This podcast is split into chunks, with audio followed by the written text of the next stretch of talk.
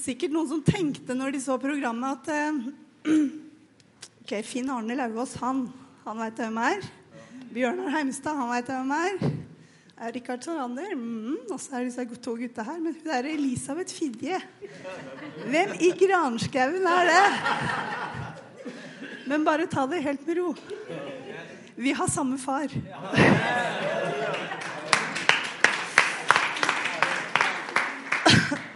Stemmen er, litt, stemmen er litt på hell, men jeg tror det kommer til å gå bra. Så bare vær med meg. Eh, jeg skal rett og slett begynne med det alle pleier å avslutte med i kirken, og det er velsignelsen. Vi skal gå rett i 4. Mosebok 6, 24-27. Herren velsigne deg og bevare deg. Herren la sitt ansikt lyse over deg og være deg nådig. Herren løfte sitt åsyn på deg og gi deg fred. Så her snakkes det om to ting som du vil oppleve, oppleve når du møter Gud, når du står ansikt til ansikt med Gud. Det er nåde, og det er fred. Og hvis det er sånn at du møter noe annet enn det her, når du møter kristne mennesker eller, eller er aleine og, og, tenker at du, har, at du har møtt Gud, hvis du opplever at du har møtt noe annet enn en eh, fred og nåde, så har du ikke møtt Gud. Da har du møtt noen andre. Jeg var inne på Wikipedia bare for å se hva de sa om nåde. Så jeg tenkte jeg skulle lese Wikipedias definisjon av nåde. Det går sånn, det her. Nåde som kristen teologisk betegnelse betyr Guds tilgivende kjærlighet. Forståelsen av ordet nåde slik det brukes i Bibelen, har sin bakgrunn i det orientalske eneveldige kongestyret. At en konge viste nåde, betydde alltid at han personlig grep inn i en persons liv, ga noe direkte til ham eller tilga ham all skyld. Bibelen beskriver alltid nåde som Guds inngripen, hjelp og gave. Og hør å stå i nåden er derfor å stå i et umiddelbart personlig forhold til Gud, hvor Gud er giver og opprettholder. Det er Wikipedia, altså. Også for å bekrefte det med Bibelen, da. Eller, eller omvendt. Men vi skal lese to vers i Bibelen. Første er Johannes eller 1. Johannes 4, 9-10. Ved dette ble Guds kjærlighet åpenbart iblant oss. At Gud har sendt sin enbårne sønn til verden for at vi skal leve ved ham. I dette er kjærligheten ikke at vi har elska Gud, men at han har elska oss og sendt sin sønn til soning for våre synder. Og Johannes 3, 16 er vers som alle, alle kan. 16 og 17. For så høyt har Gud elsket verden, ikke bare de kristne, men hele verden, for at hver den som tror på Han, ikke skal gå fortapt, men ha evig liv. For Gud sendte ikke sin sønn til verden for å dømme verden, men for at verden skulle bli frelst ved ham. Altså en personlig inngripen fra en Gud full av nåde for å kunne sette mennesket fri. Gud sender sin sønn til soning for vår skyld, så at vi kan leve skyldfrie ved han, som Finn-Arne snakka om. Gud er giveren og opprettholderen av denne gaven. Og denne gaven gjør at vi kan stå i et umiddelbart, personlig forhold til Gud. Så det er ikke noe som står i veien for at vi kan komme til Han. Vi kan komme frimodig framfor hans ansikt. Og når vi møter Gud, så er det nåde og fred vi møter. Halleluja. Jeg veit ikke om du har lagt merke til det, men i Paulus sine brever eneste, Hvert eneste brev som Paulus skriver, så åpner han med en hilsen. Nåde og fred fra Gud være med dere. Han sier det til alle, alle de han skriver til. Nåde og fred være med dere. Så det er essensen og drivkraften i evangeliet. Og han var faktisk såpass rund at han skrev det til de han var litt irritert på også. Sånn som galaterne, f.eks. Hvis man leser Galaterbrevet, så er det ganske irritert Paulus som, som tar opp uh, ting. Men han begynner med å si 'nåde og fred være med dere'. Og det er for å minne dem på hvor, hvor det kom fra. Altså, hva, hva er det dere har fått for noe? Jo, det er Gud som har gitt dere det. Det er ikke dere sjøl som har klart det. Det er Gud som har gitt dere det. Hans bestemmelse fra, fra tidenes morgen, en nådig Gud som gir og som opprettholder gaven. Paulus sier, at, sier til galaterne at det, om det så skulle komme en engel fra himmelen og forkynne dere noe annet enn nåde og fred, han skal være forbanna. Det er sterke ord. Evangeliet om Kristus handler om nåde, om Guds tilgivende kjærlighet ufortjent velvilje fra Guds side. Det betyr at jeg trenger ikke å prestere noe for den. Det er helt og holdent en avgjørelse gjort i det himmelske fordi Gud elsker mennesker. En personlig inngripen fra en eneveldig konge, Jesus Kristus, for å redde en hel verden. Og så når vi da møter mennesker, så er det jo det her som skal skinne. En, nåd, en nådig Gud. En Gud som bringer fred. Fordi at eh, verden møter jo oss. Det har vi hørt her. Det er oss de møter i første omgang. Jesus i oss, Kristus i oss. Jesus sier i Lukas 4, 18-19.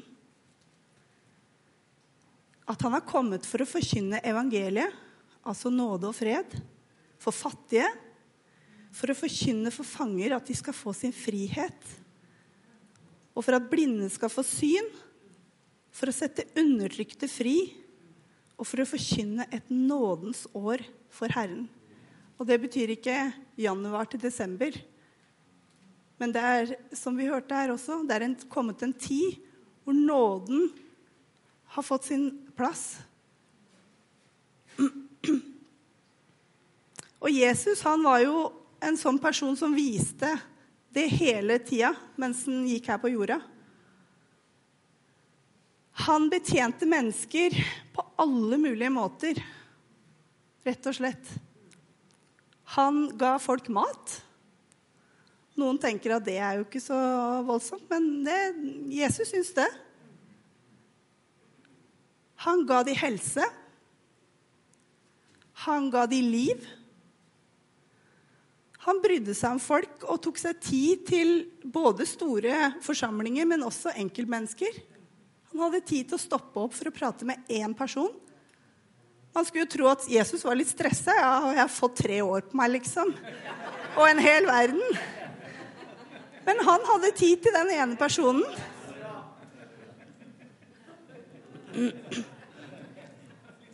Han eh, redda til og med folk ut fra en vanskelig situasjon når de gikk tom for vin. Det er ikke sikkert at vi hadde gjort. Ja, jeg drar på polet. Jeg ordner. Men Jesus gjorde det.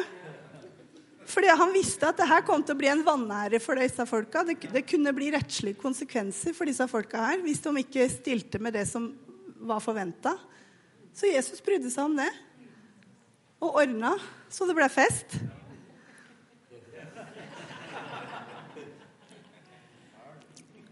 Hvorfor gjorde Jesus det?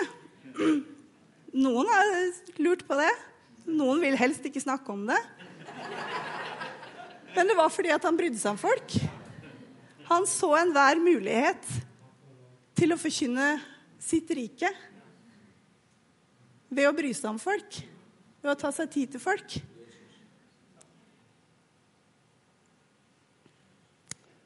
Så tenker du, ja Hva er det, hva er det vi skal for noe? Hva er oppgaven vår oppi alt det her? Har vi noen oppgave? Vi skal lese fra Markus eh, kapittel 16 og vers 15-19. Og han sa til dem, gå ut i all verden og forkynn evangeliet for all skapningen. Den som tror og blir døpt, skal bli frelst. Men den som ikke tror, skal bli fordømt. Og disse tegn skal følge dem som tror. I mitt navn skal de drive ut onde ånder. De skal tale med tunger. De skal ta slanger i hendene, og om de drikker dødelig gift, skal det ikke skade dem. På syke skal de legge sine hender, og de skal bli helbredet. Det er jo akkurat det samme som Jesus sa at han kom for å gjøre. Som vi leste i stad. Jeg er kommet for å forkynne. Jeg er kommet for å utfri folk. Jeg er kommet for at folk skal få synet. Det er akkurat de samme tingene. Så sier han at nå er det deres tur. Så tenker du ja, det her er jo misjonsbefalingen. Vi kaller det det. Misjonsbefaling. Det må jo bare være for misjonærer. Men det er det. For vi er jo misjonærer hele gjengen. Vet du hva en misjonær er? En utsending. Og det er jo det han, han sender oss ut. Gå ut, sier han. Så det er jo ikke, det er ikke bare noen. Det er alle. Det står ikke hvor vi skal gå hen presis, men det står hele verden. Da betyr det ikke bare Afrika. Det betyr til naboen. Det betyr til de du har rundt deg. Så en misjonær er en utsending. Han er sendt ut fra noen og til noen med et oppdrag. Og jeg har tenkt litt sånn at det er, jo, det er jo litt som en ambassade. Hvis det er noen som har vært i Oslo og sett alle disse ambassadene som, som er plassert der. De er, jo, de er jo der for å fremme sitt eget lands interesser i et annet land. De kommer fra USA og fra hele verden, plasserer seg i Norge for å fremme sine interesser eller sitt lands interesser. De kommer på vegne av sitt land. Og sånn er det med oss også. Vi er fra det himmelske. Og vi er utplassert på ulike plasser her i verden. På der hvor du er, bygder og byer i ulike land. For å fremme Guds interesser på jorda. Det må vi tenke stort på. At vi er sendt ut direkte fra Gud, liksom. Da har du den beste sjefen ever. Og lønningene er bra.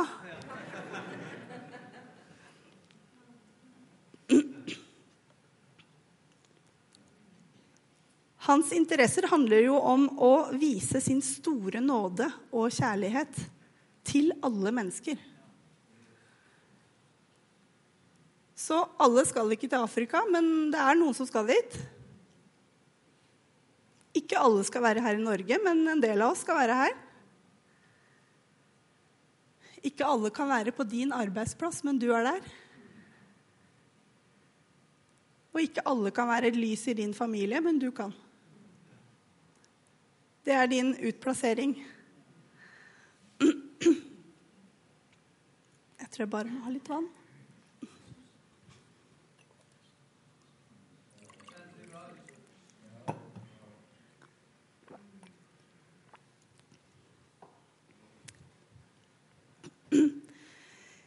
Eh, vi skal lese fra 2. Korinterbrev 5, 19-20. Drar opp eh, ene gullverset etter det andre, så er jo bare helt Alle kjenner de, vet du. Det var Gud som i Kristus forlikte verden med seg selv. Her igjen.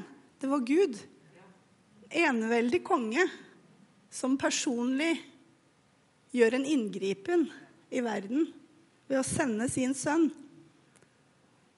så han ikke tilregner dem deres overtredelser, men legger ned ordet i oss om forlikelsen. Så er vi Da kommer vi inn på banen. Så er vi da sendebud i Kristi sted. Som om Gud selv formaner ved oss. Som om det er Gud som snakker med de vi snakker med. Vi ber i Kristi sted, la dere forlike eller forsone med Gud. Så det står at det er vi som er sendebud på vegne av Kristus en utsending, en misjonær i Kristi sted. Som om Gud selv kommer og prater med de vi prater med. Med naboen din, med kona di, med mannen din. Hva møter mennesker på din vei når de, når de, møter deg? Har du tenkt det noen gang? Hva er det de møter? Møter de nåde og fred? Jeg håper det, for det kan være deres første møte med Gud. Det er, det er, det er såpass.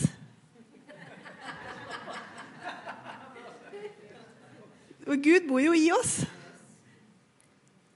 Vi er jo likedanna med Han. Så det du skal bringe med deg i møte med andre mennesker, er jo at Gud er nådig. Gud elsker deg. Du er bra nok.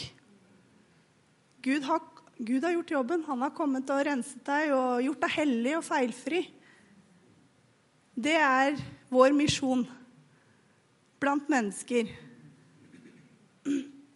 Så tenker du at ja, hvem er jeg, liksom? Jeg har ikke mikken. Jeg har ikke mikrofon. Jeg er ikke så god til å snakke. Eller jeg er ikke så frimodig av meg, egentlig. Sånn fra fødselen av. er det noen som har tenkt sånn noen gang? Jeg har tenkt sånn noen Og det er veldig mange som har tenkt sånn. Moses tenkte sånn. Josfa tenkte sånn. Abraham hadde sånne tanker. Hvis du kjenner de gutta. Man ser på seg sjøl, og så tenker man veldig lite om seg sjøl. Men i samme slengen så tenker du veldig lite om hvem Gud er i deg. Man ser hele tida til eh, bare selve, på en måte, men, men, Gud bor i deg. Gud er stor i deg. Så hvis vi tenker at vi kommer med en stor Gud, så, så er det ikke så farlig. Han han kan, og han har gjort flere ganger, utretta store ting med mennesker som bare var villige. Som bare hadde den tanken at ja, Gud, du er med på laget. Du er i meg. Så du er ikke aleine. Så når du kommer blant dine venner og familie og andre, så kommer du med Gud i familieselskaper, eh, på jobben, der hvor du er, så er, er, det kanskje du som er den eneste som er medbringer av Gud.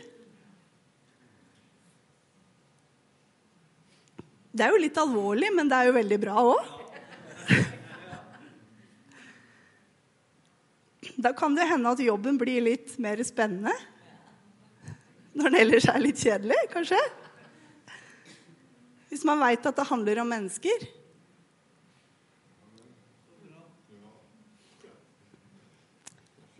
Du kommer med Gud, og du kommer med hans kraft og hans kjærlighet.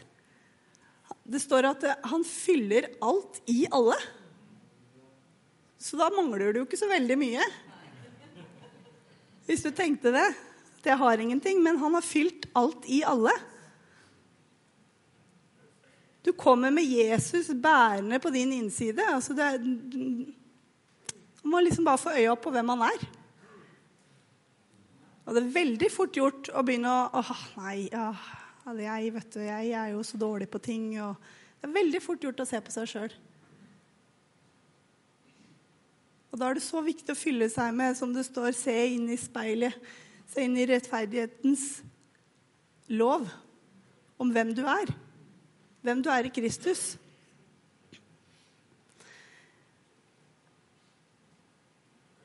så er jo på en måte spørsmålet hva er det jeg har fått?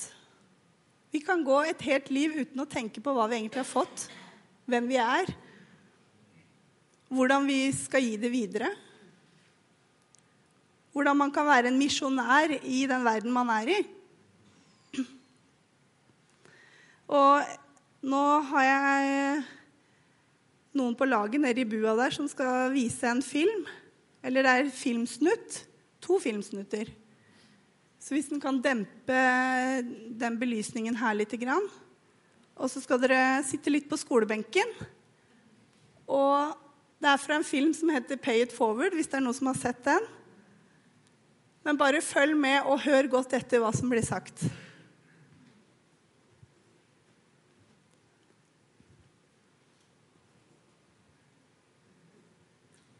Er there is a world out there, and even if you decide you don't want to meet it, it's still going to hit you right in the face. Believe me. So, best you start thinking about the world now and what it means to you. What does the world mean to you? Come on, a little class participation here. Is it just this class you want to get out of? Your house, your street? Any further any of you want to go than that? Yes? The mall. That's only like two miles away from me. well, let me ask you another question. How often do you think about things that happen outside of this town? You watch the news? Yes? No? All right, so we're not global thinkers yet, but why aren't we? Because we're 11. Good point. What's your name? Trevor. Maybe Trevor is absolutely right. Why should we think about the world? I mean, after all, what does the world expect of us? Expect. Mm-hmm. Of you. What does the world expect of you? Nothing. Nothing. My God, boys and girls, he's absolutely right. Nothing. I mean, here you are. You can't drive. You can't vote. You can't even go to the bathroom without a pass from me. You're stuck right here in the seventh grade. But not forever. Because one day, you'll be free. All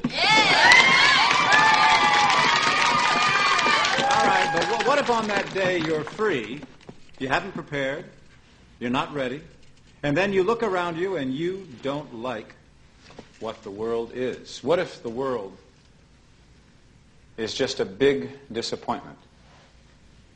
We're screwed. Unless unless you take the things that you don't like about this world and you flip them upside down right on their ass. Don't tell your parents I use that word. and you can start that today. This is your assignment. Extra credit, it goes on all year long. Oh, now, wait a minute. What? What? What's wrong with this? What's the matter? Yes? It's, it's like so So what? There must be a word to finish that sentence. Someone help her? weird. Crazy. Weird. Crazy. Hard. Bummer. Bummer. Hard. How about possible? It's possible. The realm of possibility exists where? In each of you. Here. So you can do it. You can surprise us. It's up to you. Or you can just sit back and let it atrophy. Atrophy. If there is a word you hear that you don't understand, there's a dictionary at the front of the room. Look it up. And there are these dictionaries, which you will carry with you at all times, because in this class, we're going to learn to love words and their meanings. Any questions? Yeah.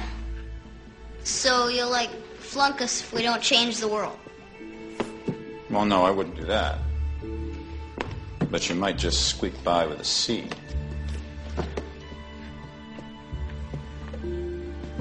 What you ever do to change the world?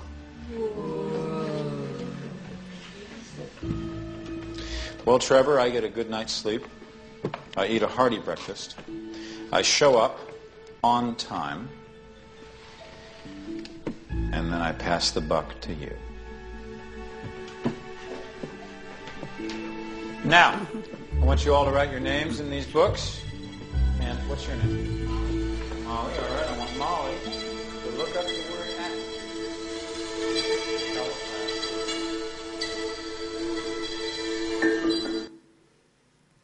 Ok, De fikk et oppdrag av læreren sin om å forandre verden.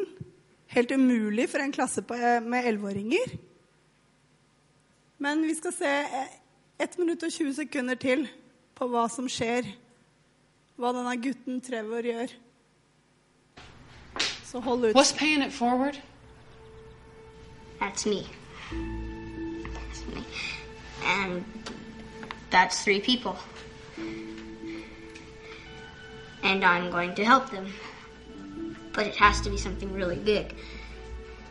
Something they can't do by themselves. So I do it for them. Then they do it for three other people. That's nine and I do three more. That's 27, so I, I'm not really good at math, but it gets big really fast, you know? All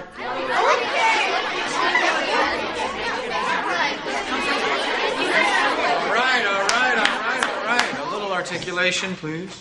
Yes. I think it's a good idea. Sean? It's stupid. Adam? It's the honor system. People blow off the honor system. So what? Just because you do. Well, Trevor, the class seems to think that you've come up with an overly utopian idea. Look that word up in a minute. Like, c- perfect world.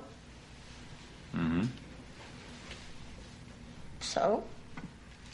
Yeah. So, Fantastisk.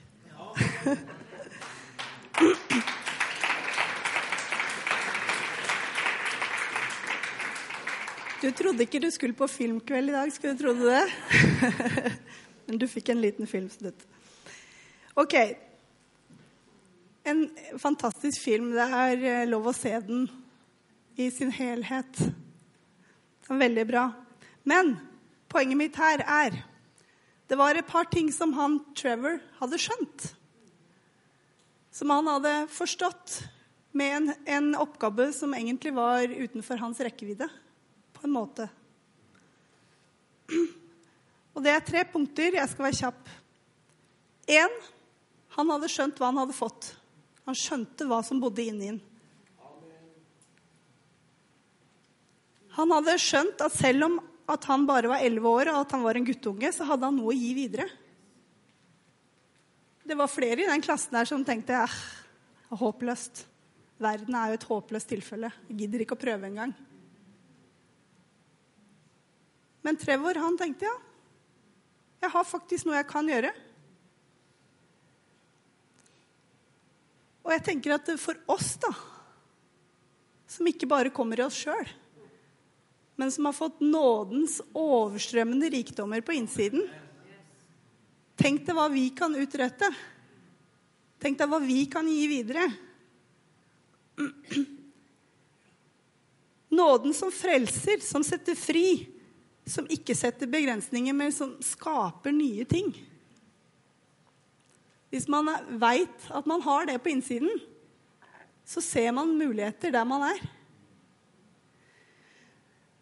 Den nåden som bringer fred. Tenk at vi er bærere av den kraften. Vi har mulighet til å forkynne på ulike måter Guds nåde der hvor vi er. Det å være bevisst på hva man har, det kan utgjøre en forskjell i ditt liv. Men det vil også utgjøre en forskjell for andre. Det er ikke bare meg, men det er de jeg har rundt meg til det daglige. Man trenger ikke å tenke at man skal frelse hele verden på en gang. Det gjorde Jesus. Vi skal bare fortelle om det der hvor vi er. Jeg tenker at hvis hvis Zlatan, da, for eksempel Nå må du våkne, nå må du våkne Mikke. ja. Han er ferdig. Han er egentlig en olding nå. Men på sine glansdager Hvis han hadde tenkt at nei, men jeg har jo ikke noe fotballskills, jeg gidder ikke. Jeg har jo ikke noe å tilføre her.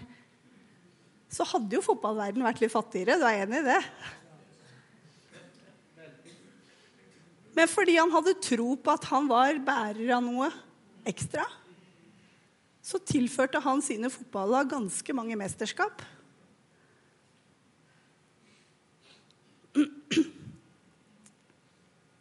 Tenk deg hva du kan tilføre verden ved å tro på en nådig Gud, full av kjærlighet, full av velvilje mot alle mennesker. En Gud som har sagt at han skal bo i deg og være med deg alle dager inntil verdens ende.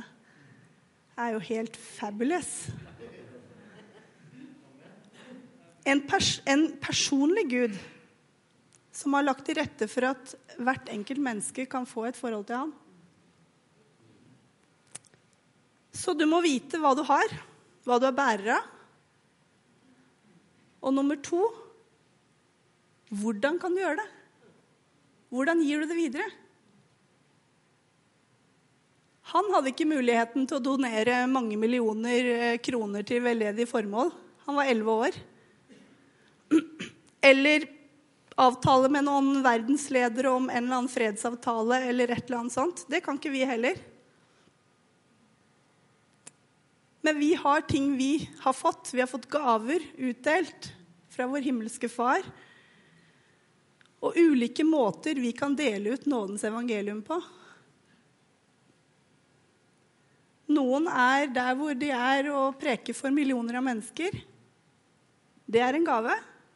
Den har han fått muligheten til å bruke. Noen er kjempegode på å lytte, vise omsorg for andre mennesker. Like viktig. Det er nådens evangelium til ett og ett menneske. Noen er supergode på praktiske oppgaver så ser man at en nabo trenger hjelp til noe, eller, eller ja, så tilby det. Så er det en inngang inn. Og så er det nådens evangelium i praksis. Så ikke begrens det til at man skal stå og forkynne. Men det å være nådig, det å vise at, at man bryr seg, at man er, har en nådefull Gud på innsiden, det er vel så viktig. Og vi har ulike måter å forkynne på. Men det viser egentlig bare, på, bare hvor, hvor, stor Gud er, hvor rik han er. Hvor mye han har å by på. For vi er forskjellige.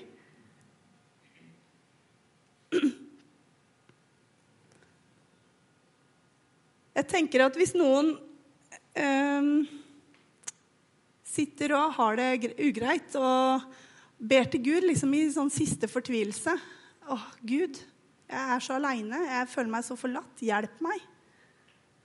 Og så tikker det inn en melding fra deg. Hei, har du lyst på kaffe? Tenkte på deg. Hva tror du det gjør med det mennesket? Ja, Det vil oppleve en nådig Gud som ser og hører folk som, som har det vondt. Du tenker kanskje at det ikke var så stort. Det var en kaffekopp. Men for det mennesket så var det kanskje livsforvandlende.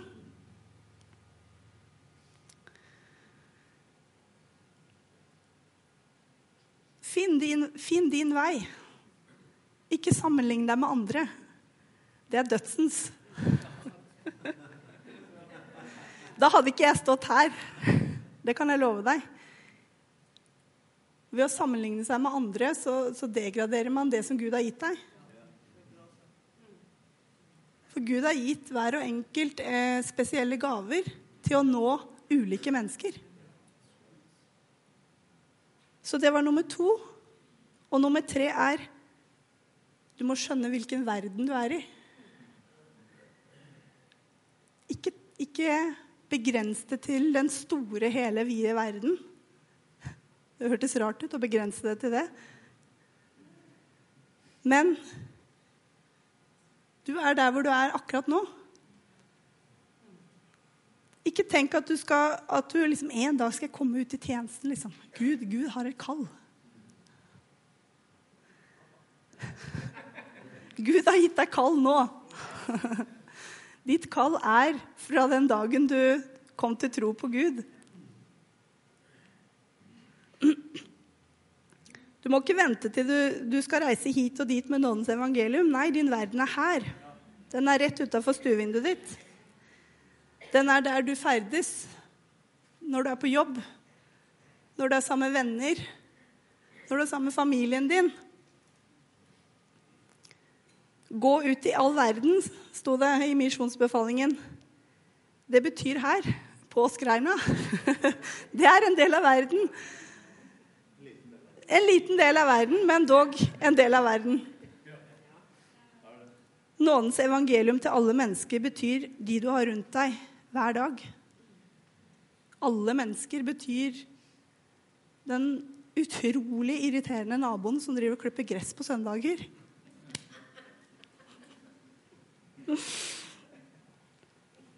Se stort på hvert møte med mennesker i det daglige som en enorm mulighet til å vise nåde og fred. For du veit ikke åssen konsekvensene vil bli av det. Jeg kom til å tenke på eh, Jesus når han møter kvinnen ved brønnen. Det står at han var sliten etter å ha gått langt. Jeg veit åssen det er å være sliten etter å ha gått langt. Og du er litt sånn Ikke plag meg nå. Nå trenger jeg fred. Fred og ro. Men så møter han en kvinne, og han visste jo at han kom til å møte henne. Det er jeg sikker på. At han eh, tok jo den snarveien. Omveien. For å møte dette mennesket. Og han, han møter henne på en nådefull måte. Har, tar seg tid til å prate med denne kvinnen. Det er egentlig en helt fantastisk historie. Hvordan Jesus virka. Han stressa ikke av gårde. Han hadde tid til hun som, som var eh, ute på ville veier. Fortalte litt om livet hennes, men på en god måte. Og ved at Jesus møter dette ene mennesket, så blir en hel landsby frelst. Tenk deg om hele byggefeltet ditt blir frelst bare fordi at du tok deg tid til naboen din. For det er din verden akkurat nå. Det kan hende at du skal noe seinere. Det kan hende at Gud har kalt deg til store ting. Altså, ikke misforstå meg, det er ikke lite å, å, å bry seg om én person, men det kan hende at du skal enda mer. Men akkurat nå er du her. Akkurat nå er du i den, den delen av verden hvor du er i. På det stedet du er.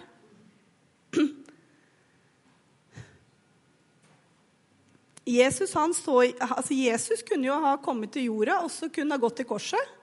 Det var tjenesten hans. Han skulle dø, han skulle stå opp, bli herliggjort, og så skulle han utvide ånden. Men Jesus var her i 33 år. Og han gikk og tjenestegjorde i tre år. Han betjente mennesker i tre år, så han var på en måte til stede på hele reisen. Han hadde ikke bare den store tjenesten der hvor han skulle dø på et kors. Nei, han brydde seg om folk på veien dit. Som en del av tjenesten. Så hvis en kan tenke stort på mm, der man er nå Så le leksa skal gjøre når du kommer hjem, er å tenke over hva er det du har fått for noe. Hvem, hva er det du har på innsiden? Hvilke gaver, hvilke, på hvilken måte kan jeg gi dette videre på? Og hva er min verden? Det er tre ting som kan uh, gjøre at ting begynner å skje rundt deg. Det var det jeg hadde. Jeg takker deg, himmelske Far, for at du er god overstrømmende god Herre. Jeg priser deg og takker deg for at du er nådig mot mennesker, og at du virker Gjennom oss, Herre, med din nåde og din fred. Jeg priser deg, takker deg, Herre. Halleluja. Amen.